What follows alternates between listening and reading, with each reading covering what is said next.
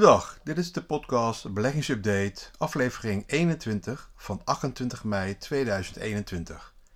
Mijn naam is Joost Bors. Wekelijks actueel beleggingsnieuws in 15 minuten ben je helemaal op de hoogte op het gebied van beleggen, vermogensopbouw en al het relevante beursnieuws. De Dow Jones Industrial Index, afgekort de Dow Jones, bestaat deze week 125 jaar. Mooie verjaardag gewenst voor de meest bekende, meest toegepaste en besproken index van de wereld. Deze week zagen we iets meer rust op de markt voor grondstoffen en aandelen. Dit kwam ook door de geruststellende woorden van centrale bankiers die volhouden dat inflatie tijdelijk is en controleerbaar blijft. Nou, laten we hopen dat ze dit ook wel gaat lukken. Als het beest eenmaal uit de kooi is, dan is de controleerbaarheid heel lastig. Nou, economisch nieuws van de afgelopen dagen. Ten eerste zagen we dat het ondernemersvertrouwen in Duitsland naar een nieuw hoogtepunt is gestegen. Dat is goed nieuws dus. Het betekent dat de ondernemers vertrouwen hebben in de komende maanden zullen gaan investeren. Donderdag kwamen de Amerikaanse werkloosheidscijfers. Het aantal, aantal nieuwe aanvragen voor een uitkering blijft uh, verder dalen. Nou, de aandelenmarkten bleven deze week uh, dicht bij huis in een wat zijwaartse consolidatie. Maar de meeste actie zat weer bij de categorie cryptomunten. De bewegelijkheid is krankzinnig. Op uur, dag, weekbasis gaat het met tientallen procenten op en neer. Dit lijkt niet op stabiele munten waar je met een gerust gevoel een pizza, auto of zoals laatst een penthouse in Veghel kan aankopen of verkopen. De koper van het penthouse betaalde een maand geleden met 21 bitcoins en kocht het appartement van de projectontwikkelaar. Het appartement in Veghel stond voor 1 miljoen euro's te koop. Nou, drie weken later heeft de verkoper al een verlies van circa 400.000 euro. Nou, dan toch maar gewoon de euro of dollar als valuta-eenheid, dan een onduidelijke koersvorming van crypto's. Uh, crypto's zijn wel leuk om mee te spelen, ja, maar ze gaan uh, wel 24/7 door. Ook lekker gezellig op zaterdag en zondag. Dus gezellig op een regenachtige Pinksterzondag kan je meespelen met deze gekkigheid. Mijn account bij Coinbase ging in vijf dagen met 40% naar beneden en op sommige dagen weer 20% erbij. Die moeten wel tegen kunnen. Ik heb er veel over gelezen, over die crypto's, maar eerlijk gezegd snap ik er niks van.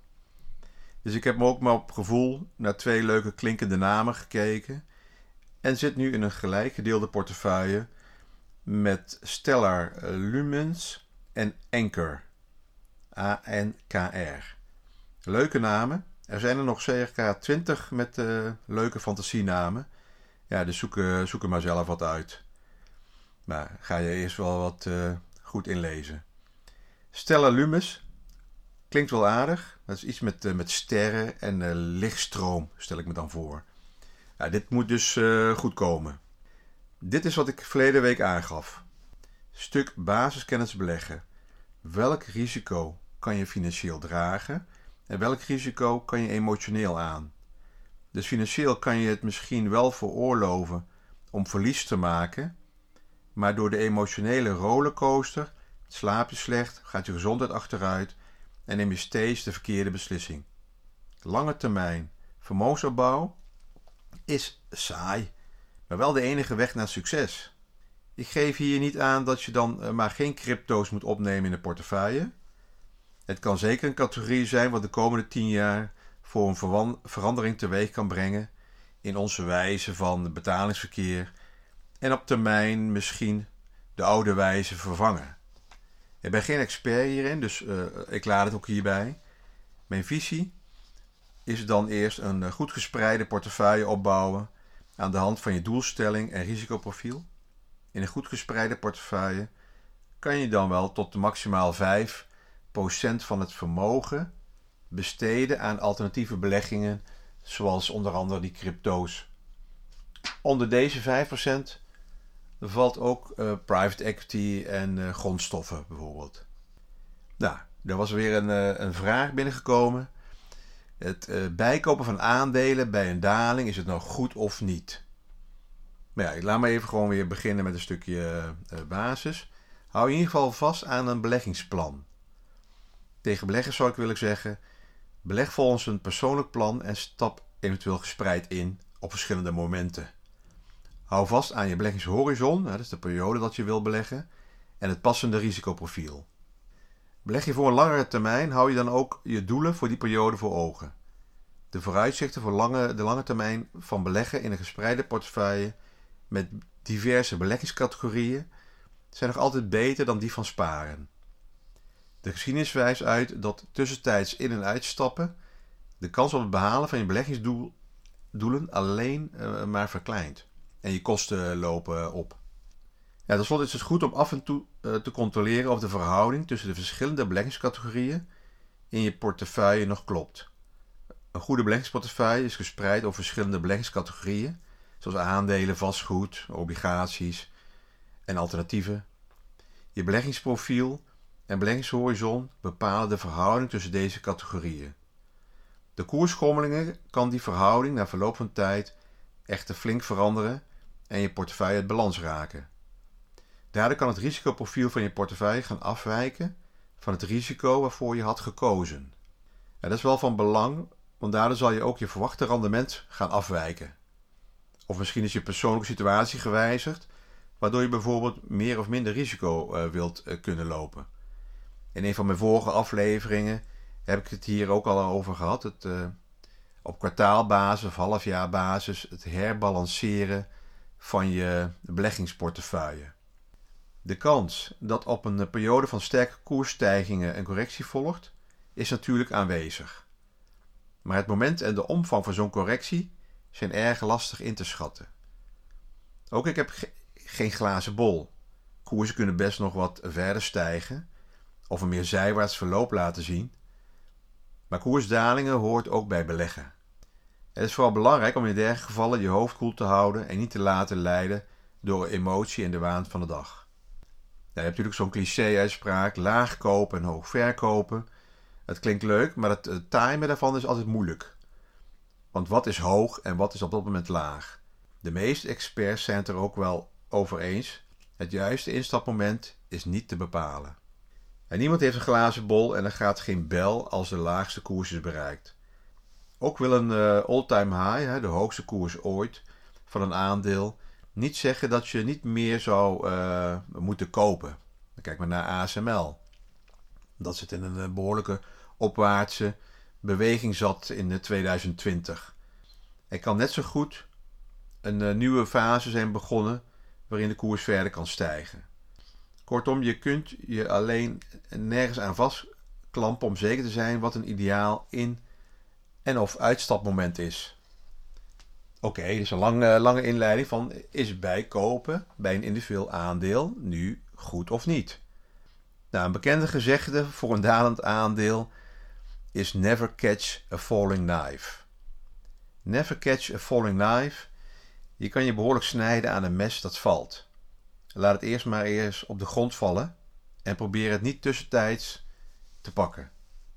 Deze gezegde wordt ook vaak op de beurs toegepast. Bij aandelen die hard dalen en op koopjes lijken, dat kan altijd vervelend uitpakken. De koers kan verder dalen dan je had gedacht.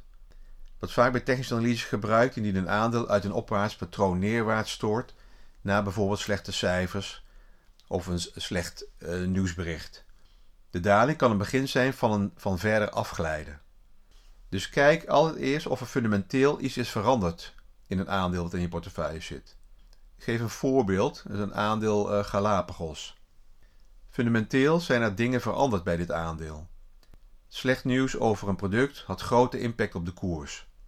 Galapagos zakte van 240 in 2020 naar ongeveer 60 euro vandaag de dag. Een ander voorbeeld is bijvoorbeeld General Electric.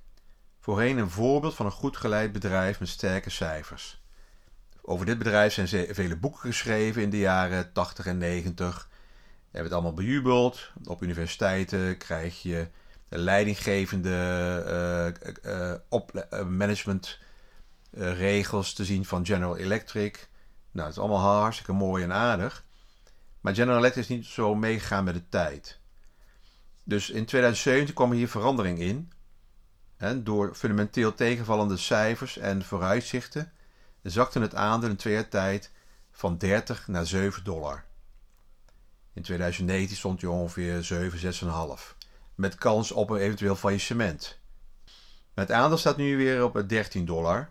Door een enorme reorganisatie, uh, uitkijken naar andere uh, sectoren, het snijden in de kosten, het uh, verkopen van divisies. Dat is een enorm groot bedrijf geworden. Het hebben ze helemaal weer teruggebracht naar de basis. Dus moet je een aandeel dat je in portefeuille hebt bijkopen als het een, enorme daling is? Dat hangt af van fundamentele veranderingen. Dus het bijkopen is alleen interessant als de daling voortkomt uit een algemene gezamenlijke beurscorrectie en niet door deze bedrijfsspecifieke redenen, zoals organisatiewijziging of een concurrentietoename of een product wat flopt. Dus een fundamentele verandering betekent ook een, een andere waardering. Er zijn nog genoeg andere voorbeelden van bedrijven die bijvoorbeeld de slag gemist hebben in de telecomsector. Je kan bijvoorbeeld kijken naar eh, Nokia. Dat was uh, het grootste telecombedrijf. Totdat Apple uh, kwam met zijn telefoontjes. En toen Apple kwam met zijn apps. En Nokia maar bleef op hun basisprincipes leunen. Dat aandeel Nokia is de klap nooit te boven gekomen. En heeft een daling laten zien van zo'n 80%. En zit nog steeds zo rond de 4, 5 euro per aandeel. Nou, heb je een portefeuille met alleen maar individuele aandelen, dan is spreiding van een van de, een van de belangrijkste spelregels. En soms moet je afscheid nemen van een aandeel, dus verlies nemen van een aandeel in je portefeuille. En dat is misschien een beter plan dan bijkopen. Portefeuilles met individuele aandelen uh, moeten niet op een postzegelverzameling gaan lijken. Van oké, ik heb er wel verlies en ik, uh, nou, dat ga ik niet meer naar kijken, laat maar staan en, en ik investeer wel weer in een nieuw aandeel. Soms moet je ook afscheid nemen van bedrijven die fundamenteel een verandering hebben uh, doorgegaan.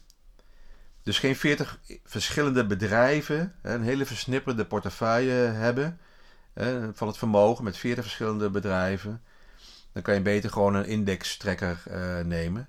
Dan heb je veel meer uh, baat uh, mee en ook lagere kosten. Oké, dit was het voor deze week. Dank voor het luisteren. Bedankt voor de vraag over het wel of niet bijkopen.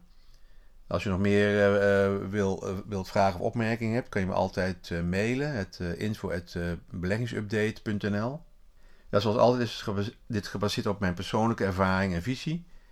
Niet bedoeld als direct advies. Dan moet je altijd eerst je adviseur raadplegen. Ja, je kan mij ook volgen op Instagram. Met actuele berichten gedurende de week van, bij beleggingsupdate uh, op Instagram. En nou, succes. houd het hoofd koel. Cool. En tot de volgende week.